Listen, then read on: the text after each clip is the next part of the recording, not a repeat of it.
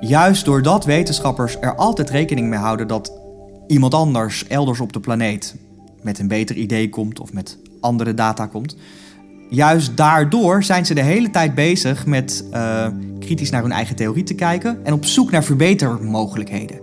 Nou, juist die cultuur, dus alles in de wetenschap, is erop gericht om theorieën beter te maken. En wat we de hele tijd aan het doen zijn, is uh, elkaar nou, af en toe bekritiseren of elkaar vragen stellen om te zorgen dat de theorie zich verder ontwikkelt.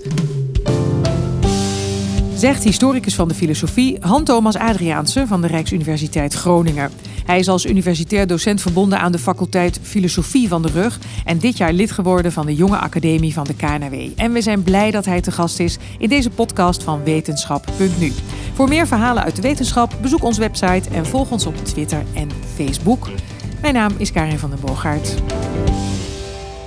Han-Thomas Adriaanse moet meer dan 24 uur in een dag hebben. Hij studeerde naast filosofie ook Russisch en Italiaans, schrijft boeken en houdt lezingen, onderhoudt intensief contact met middelbare scholen en hun filosofiedocenten en werd wellicht ook daardoor drie keer docent van het jaar bij de faculteit Wijsbegeerte van de Rijksuniversiteit Groningen. En ook nog tijd voor Wetenschap.nu. Welkom in deze podcast, Han-Thomas. Ja, dank je. Heb jij meer dan 24 uur in een dag? Nee, ik heb niet meer dan 24 uur in een dag. Dus ik probeer zo goed mogelijk alles uh, in beperkte tijd uh, te krijgen.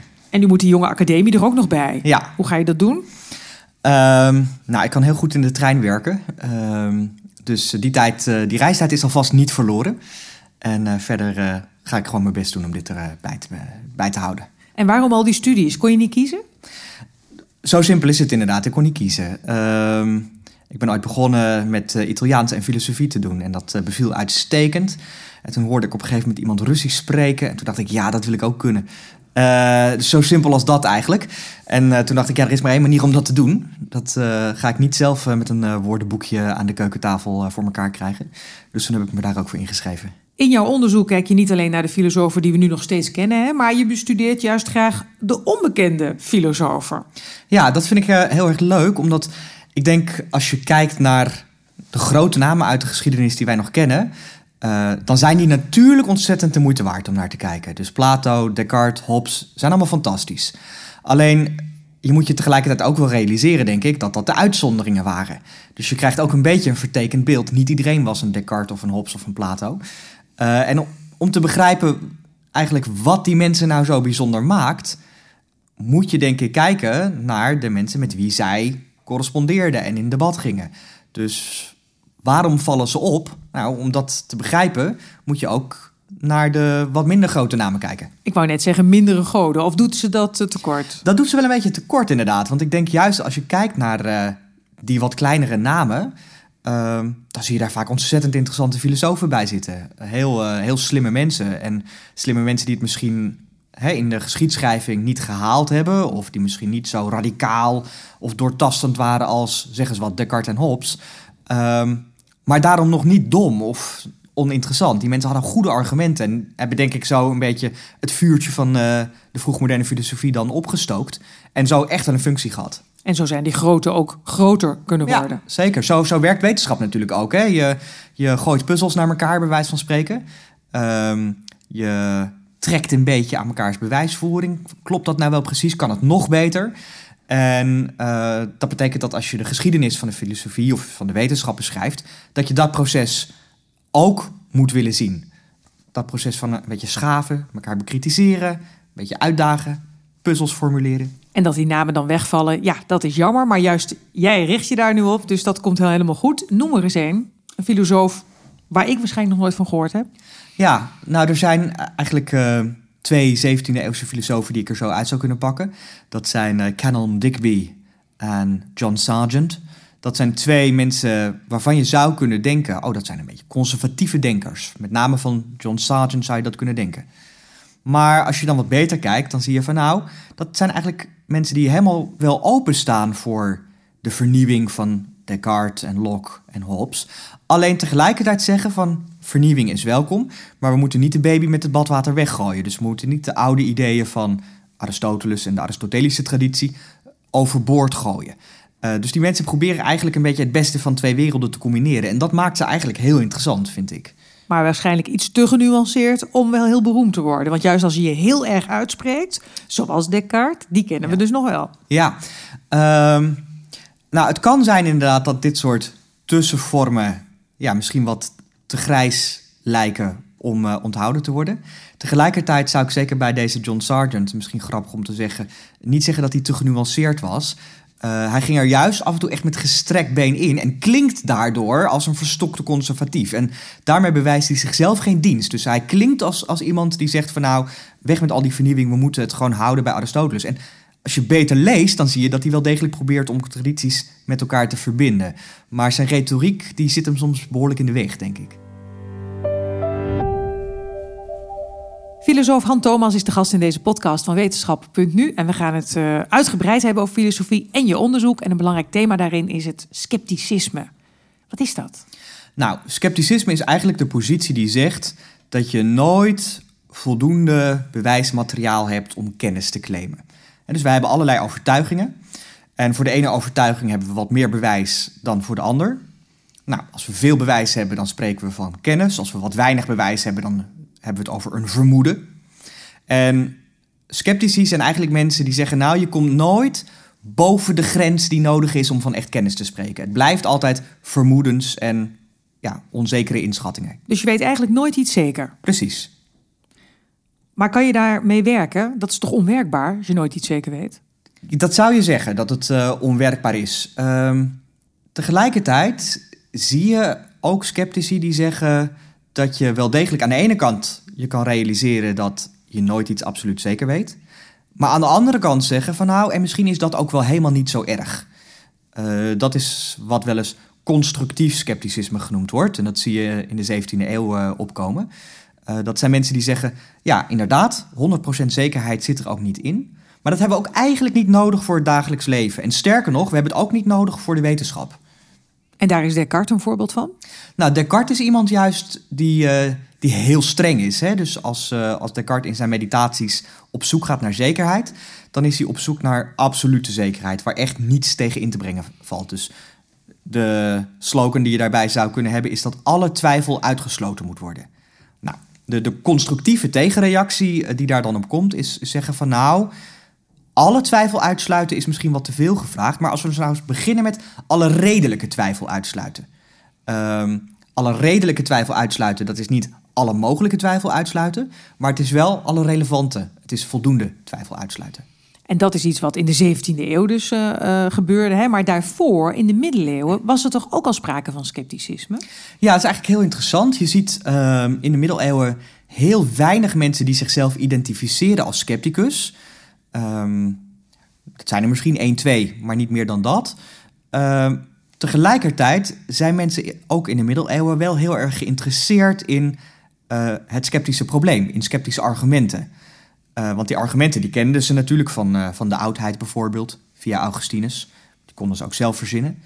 Um, dus ze zagen het probleem wel en probeerden daar dan oplossingen voor te formuleren. Of ze probeerden te voorkomen dat ze met hun theorieën in sceptische valkuilen zouden trappen. Zoals? Nou, er is uh, één theorie waar ik uh, wat meer in detail naar gekeken heb. En dat is een theorie over hoe waarneming werkt bij mensen. Nou, een vrij gangbare theorie in de 13e eeuw bijvoorbeeld was dat wanneer jij iets waarneemt, of ook wanneer je iets herinnert of je iets voorstelt, dat er zich in je hersenen of in je geest als het ware een soort van plaatje vormt. En het is eigenlijk dat plaatje waar jij je in eerste instantie bewust van bent, zegt die theorie. Nou, daar komt in de 13e en de 14e eeuw ook een tegenreactie op. En dat is een reactie van mensen die zeggen van nou, wacht even.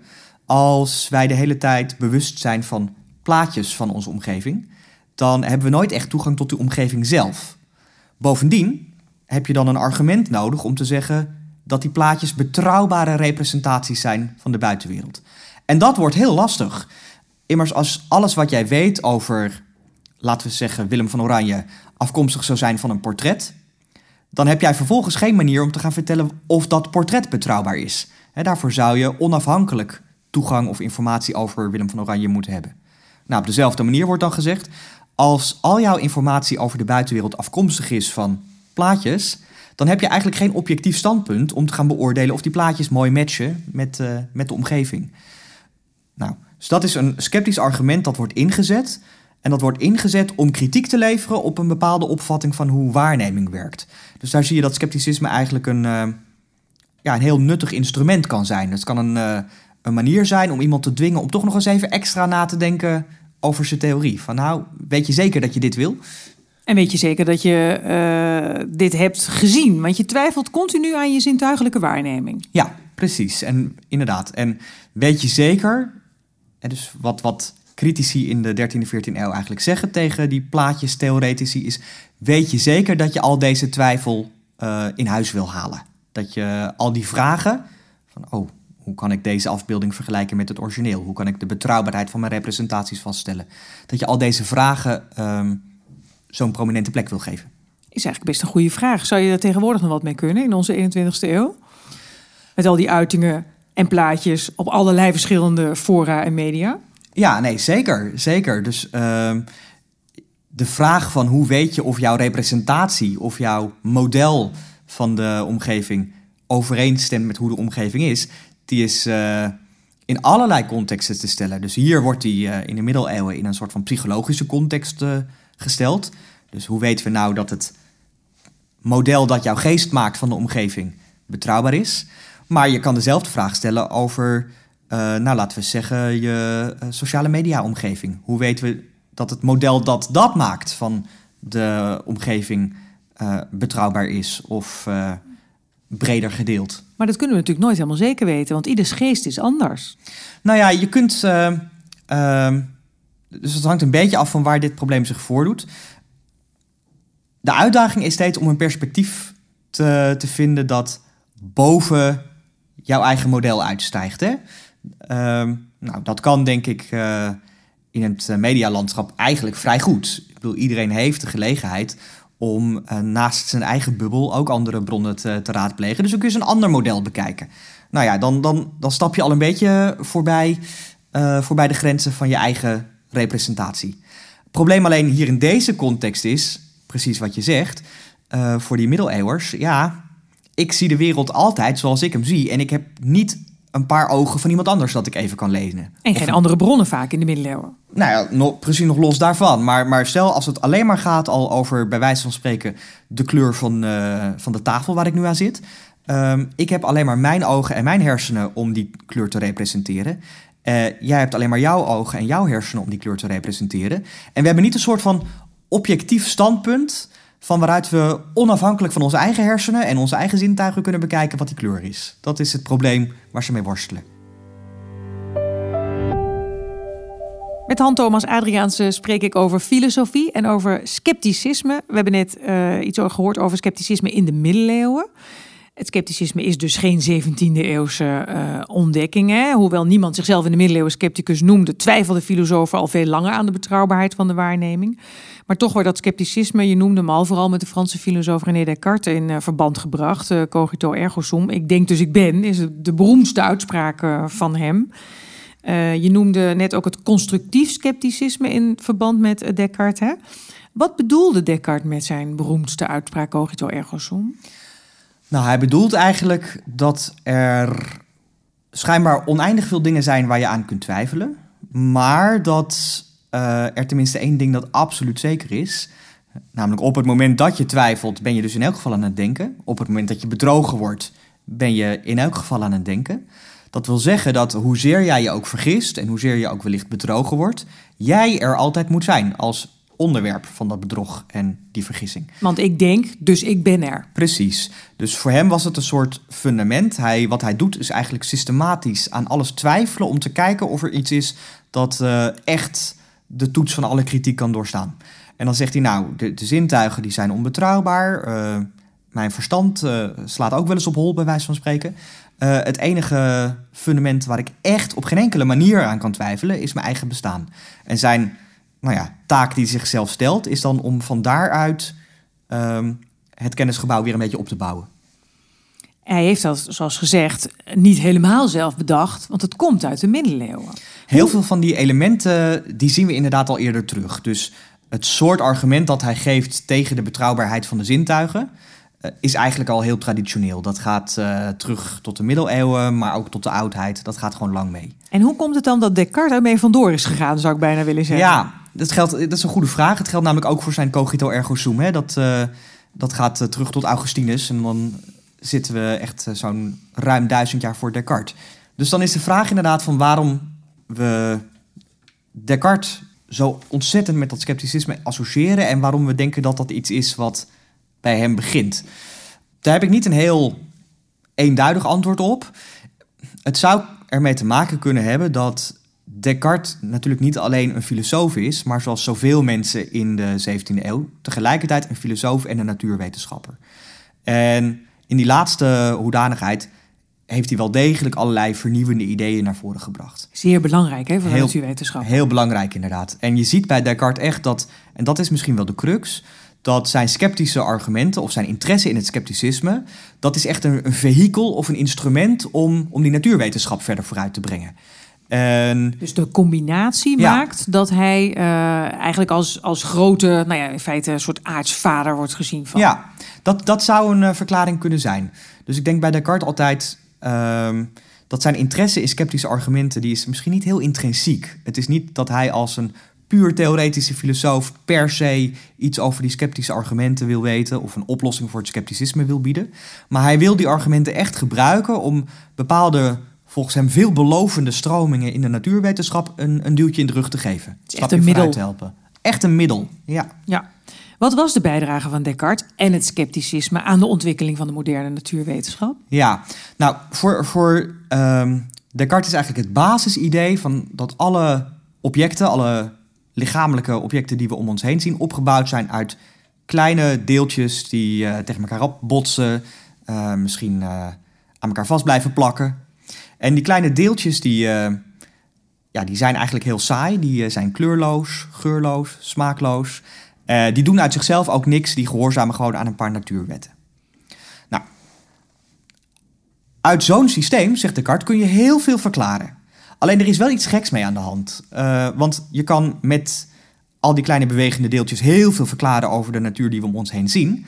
Tegelijkertijd is het wel een beetje een contra-intuïtief beeld. Dus als wij om ons heen kijken, dan ervaren wij niet kleurloze, geurloze, smaakloze deeltjes die tegen elkaar opbotsen. Wij ervaren juist de hele tijd kleuren, geuren en smaken. Nou, volgens Descartes en, en anderen ook in die tijd zijn kleuren, geuren en smaken niet onafhankelijk van ons in de natuur. Kleuren, geuren en smaken zijn eigenlijk de reactie van onze geest of onze hersenen op de omgeving. Maar onafhankelijk van ons zijn ze er niet. Enige wat er onafhankelijk van ons is, dat zijn die mathematisch beschrijfbare kleine deeltjes. Dus dat betekent dat de beste natuurwetenschappelijke theorie die hij ziet, van ons vraagt dat we nou ja, onze zintuigelijke intuïties een beetje tussen haakjes zetten. Dus onze zintuigen zetten op ons op het spoor van kleuren, geuren en smaken. Tuurlijk, de detectie daarvan, daar zijn onze zintuigen voor. Maar eigenlijk zijn die geen objectieve eigenschappen van de werkelijkheid. Dus je moet voorbij die zintuigelijke waarneming kijken. Ja, eigenlijk moet je voorbij je intuïtie of je common sense. En volgens mij wat Descartes doet is uh, zeggen... nou, die sceptische argumenten kunnen we hier heel, voor, heel goed voor gebruiken juist die traditionele sceptische argumenten kunnen ons leren dat het misschien inderdaad niet zo verstandig is om blindelings met je zintuigen mee te gaan.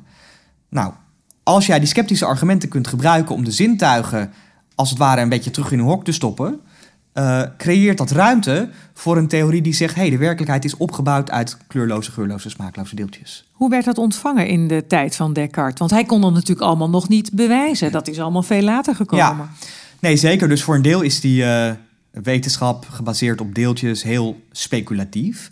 Tegelijkertijd zie je wel dat voor heel veel mensen dat een, uh, een veelbelovend idee was. Dus um, dat, uh, dat wordt heel belangrijk uh, in de 17e eeuw. Aan de andere kant heb je ook mensen die zeggen: ja, als alles opgebouwd is uit deeltjes, dan gaan we ook iets missen. Dus er gaan ook mensen, vaak ietsje conservatievere denkers, kritiek leveren op Descartes. Bijvoorbeeld, ze gaan zeggen van nou, uh, neem nou eens een organisme of een plant. Er is iets bijzonders aan de hand met organismen en met planten. Namelijk, die groeien en die ja, wisselen de hele tijd van deeltjesopbouw. dus de set deeltjes waar een jonge plant van gemaakt is... dat is een hele andere set deeltjes dan waar een volgroeide plant van gemaakt is. Toch willen we zeggen dat het dezelfde plant is in twee stadia van ontwikkeling. Maar hoe kunnen we nou zeggen als er 0,0 materiële overlap is, dat we met hetzelfde object te maken hebben? Nou, sommige mensen gaan dan zeggen, dat kunnen we alleen maar zeggen als er toch ietsje meer is dan alleen maar uh, kleurloze, geurloze deeltjes. Dat is enigszins de Aristotelische reactie uh, op Descartes die je in de 17e eeuw ook ziet. Dus Descartes lokte ook weer discussie uit. Ja, zeker. En dat is de opbouw, het begin van de, nou, misschien wel uh, de natuurwetenschap, hè, zoals wij die nu kennen. Zeker, zeker. En ik denk uh, dat die kritische reacties daar ook echt een nuttige rol bij gespeeld hebben. Hè? Dus die kritische reacties die dwingen iemand als Descartes of zijn vrienden om nou, toch nog eens even beter na te denken over een probleem waar ze misschien in eerste instantie niet aan gedacht hadden. En daar kan zo'n theorie alleen maar van profiteren, zou ik zeggen. Han-Thomas Adriaanse, filosoof. We zijn net het vorige thema geëindigd met uh, kritisch denken en kritische tegenspraak in de tijd van Descartes. Laten we het naar deze tijd uh, trekken. Kritisch denken is in. Steeds meer mensen trekken de geloofwaardigheid van rechtspraak, wetenschap, politiek en journalistiek in twijfel. En dat zou je kunnen baseren op cogito ergo sum. Je kunt alleen op je eigen denken vertrouwen. Hè? De beroemdste uitspraak van uh, Descartes. En aan al het andere kan je twijfelen. Zie je overeenkomsten tussen hen en de tijd die jij bestudeert? Nou, wat ik als overeenkomst zie, is dat, uh, dat je vaak ziet dat, vaak, maar af en toe ziet dat wetenschappers bekritiseerd worden of uh, een beetje aangevallen worden met als argument van ja, maar dat weet u niet absoluut zeker. En, en dat klopt. En dat klopt. Want en, je kan het nooit absoluut zeker weten. Precies, en dan heb je het probleem met, uh, nou, al die fantastisch genuanceerde wetenschappers, die zullen ook uh, doorgaans bereid zijn om te zeggen: nee, inderdaad, dat weet ik niet absoluut zeker. Nou, als je dan in gesprek bent met een, uh, laten we zeggen, een complotdenker, die zal nooit toegeven dat hij het niet absoluut zeker weet. Dus in zo'n discussie komt zo'n complotdenker, iemand die denkt dat. De aarde plat is. Ja, dat de aarde plat is of dat vaccinaties ervoor bedoeld zijn om ons allemaal een beetje dom te houden. die zal altijd sterker staan in zo'n debat. Um, en Terwijl zo'n complotdenker zichzelf als een hele kritische burger ja, ziet, hè? Precies, en dat is heel ironisch. Zo'n uh, complotdenker ziet zichzelf als een heel kritische burger. Terwijl feitelijk, volgens mij, het grote verschil met een wetenschapper is... Kijk, een wetenschapper die houdt er ergens op de achtergrond altijd rekening mee... Um, dat het ook anders zou kunnen zitten. Of dat uh, haar resultaten voorlopig zijn. Uh, dat er misschien nog werk te doen is. Een complotdenker is typisch iemand die komt met een kant-en-klare theorie... waar verder ook eigenlijk niks aan gedaan moet of mag worden. Dat is het gewoon. Um, dus ja, complotdenker zal zich misschien vaak als een kritische, uh, kritische denker presenteren, maar heel opvallend genoeg gaat die kritiek altijd over anderen, nooit over zichzelf. En dat is het verschil met wetenschappelijke moris, zou ik zeggen. En de complotdenker zit ook zo geharnast in die kritiek dat hij daar ook nooit meer uit te krijgen is. Precies, ja, precies. Die zijn daar niet uit te krijgen. En ja, wetenschappers die zijn volgens mij opgeleid en werken in een context waarin ze de hele tijd uitgedaagd worden om uh, uh, meer bewijs aan te dragen, uh, nieuwe puzzels op te lossen. Dus die staan daar heel anders in, volgens mij. Die staan daar heel anders in. En die hebben best wel behartigenswaardige dingen uitgevonden. als je het over antivaxers hebt. Uh, dat uh, vaccinaties wel helpen tegen polio. En toch krijgen die wetenschappers niet zonder meer van iedereen gelijk. Hè? Waarom wat zou je antwoord zijn als filosoof ook? Is wetenschappelijke kennis dan toch meer waard dan wat de puurvrouw zegt op Facebook? Ja, um, nou, er zijn, daar is een aantal dingen over te zeggen. Dus ik zou zeggen, je kan heel goed toegeven dat je iets niet 100% zeker weet. En tegelijkertijd duidelijk maken, ja, maar ik weet het nog wel tien keer beter uh, dan wat uh, willekeurig uh, vriend of vriendin op Facebook nou eens uitroept. Dat is één ding. Ten tweede, ik denk dat juist doordat wetenschappers er altijd rekening mee houden dat iemand anders elders op de planeet met een beter idee komt of met andere data komt, juist daardoor zijn ze de hele tijd bezig met uh, kritisch naar hun eigen theorie te kijken en op zoek naar verbetermogelijkheden. Nou, juist die cultuur, dus alles in de wetenschap, is erop gericht om theorieën beter te maken. En wat we de hele tijd aan het doen zijn, is uh, elkaar nou, af en toe bekritiseren of elkaar vragen stellen om te zorgen dat de theorie zich verder ontwikkelt. En ook erkennen dat er dus mensen zijn die andere dingen hebben ja. gevonden En dat ook uh, gewoon uh, toegeven. Ja, precies. Terwijl, zoals net gezegd, een complotdenker... die zit volkomen geharnast in zijn Precies. eigen opvatting. Die zit, uh, die zit gewoon vast met een kant-en-klare theorie... die, die af is, zo gezegd. Dus daar zit helemaal geen prikkel om het beter te gaan doen. Terwijl wetenschappers die zijn altijd op zoek naar... kunnen we het nog beter verklaren? Kunnen we deze theorie nog steviger onderbouwen? En dat is op zich prima natuurlijk. Hè? Dat is een prima uitgangspunt. Wat zouden wetenschappers dan eigenlijk kunnen doen om duidelijker te maken uh, hoe het werkt? Want eigenlijk weten mensen dus misschien niet goed genoeg wat wetenschap ja. is. Nou, dat zou best eens kunnen. Kijk, um, als, um, als je inderdaad niet zo goed weet wat wetenschap is of hoe het werkt... en iemand vertelt je, ja, maar die wetenschapper die, uh, die weet het ook niet 100% zeker... dan zou je misschien eens een keer kunnen denken van... oh jee, dat is eigenlijk wel zorgelijk. Ik uh, dacht, als iemand het wist, dan is het die wetenschapper wel. Um, maar als je uitlegt van nou, zo werkt het natuurlijk niet. Uh, maar wat we wel proberen is om zoveel mogelijk zekerheid te vergaren.